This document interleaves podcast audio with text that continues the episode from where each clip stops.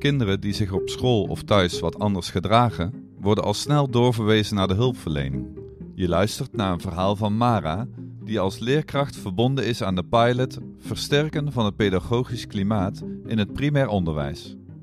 Samen met een jeugdhulpverlener biedt ze kinderen de ruimte om zichzelf te zijn. Het is een druilerige woensdagochtend. Ik kijk uit het raam van mijn lokaal en ik zie Noortje met rood betraande ogen aankomen fietsen, samen met haar ouders. Terwijl ik naar het hek loop, zie ik de onzekerheid in vaders ogen. Wat moet het zwaar zijn om elke dag je kind huilend naar school te brengen?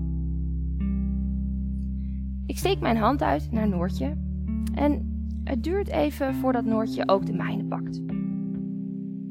Samen lopen we naar binnen. Hoe is het eigenlijk met je konijnen, Harry en Siepie, Noortje?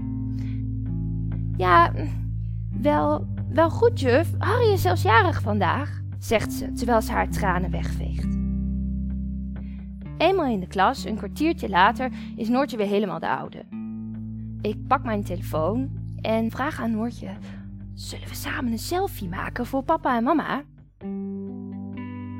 Noortje knikt meteen enthousiast. We maken een foto van onze twee blije gezichten samen en sturen deze naar papa en mama. Al snel krijgen we een berichtje terug. Dag lieve Noortje, wat fijn om te zien dat het weer goed met je gaat. Ik ben heel trots op je. Dikke kus, mama. Noortje glimlacht en geeft me een hele dikke knuffel.